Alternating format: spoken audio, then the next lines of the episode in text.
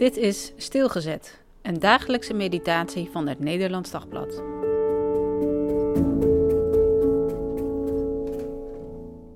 Als dat waar is. 2 Samuel 3, vers 9 en 10. God mag met mij doen wat hij wil als ik David niet bezorg wat de Heer hem gezworen heeft: het koningschap afnemen van het huis van Saul en voor David een troon oprichten. Dit zegt notabene Abner, de generaal die er helemaal niets van geloofde dat David door de Heer was aangewezen als opvolger van Saul.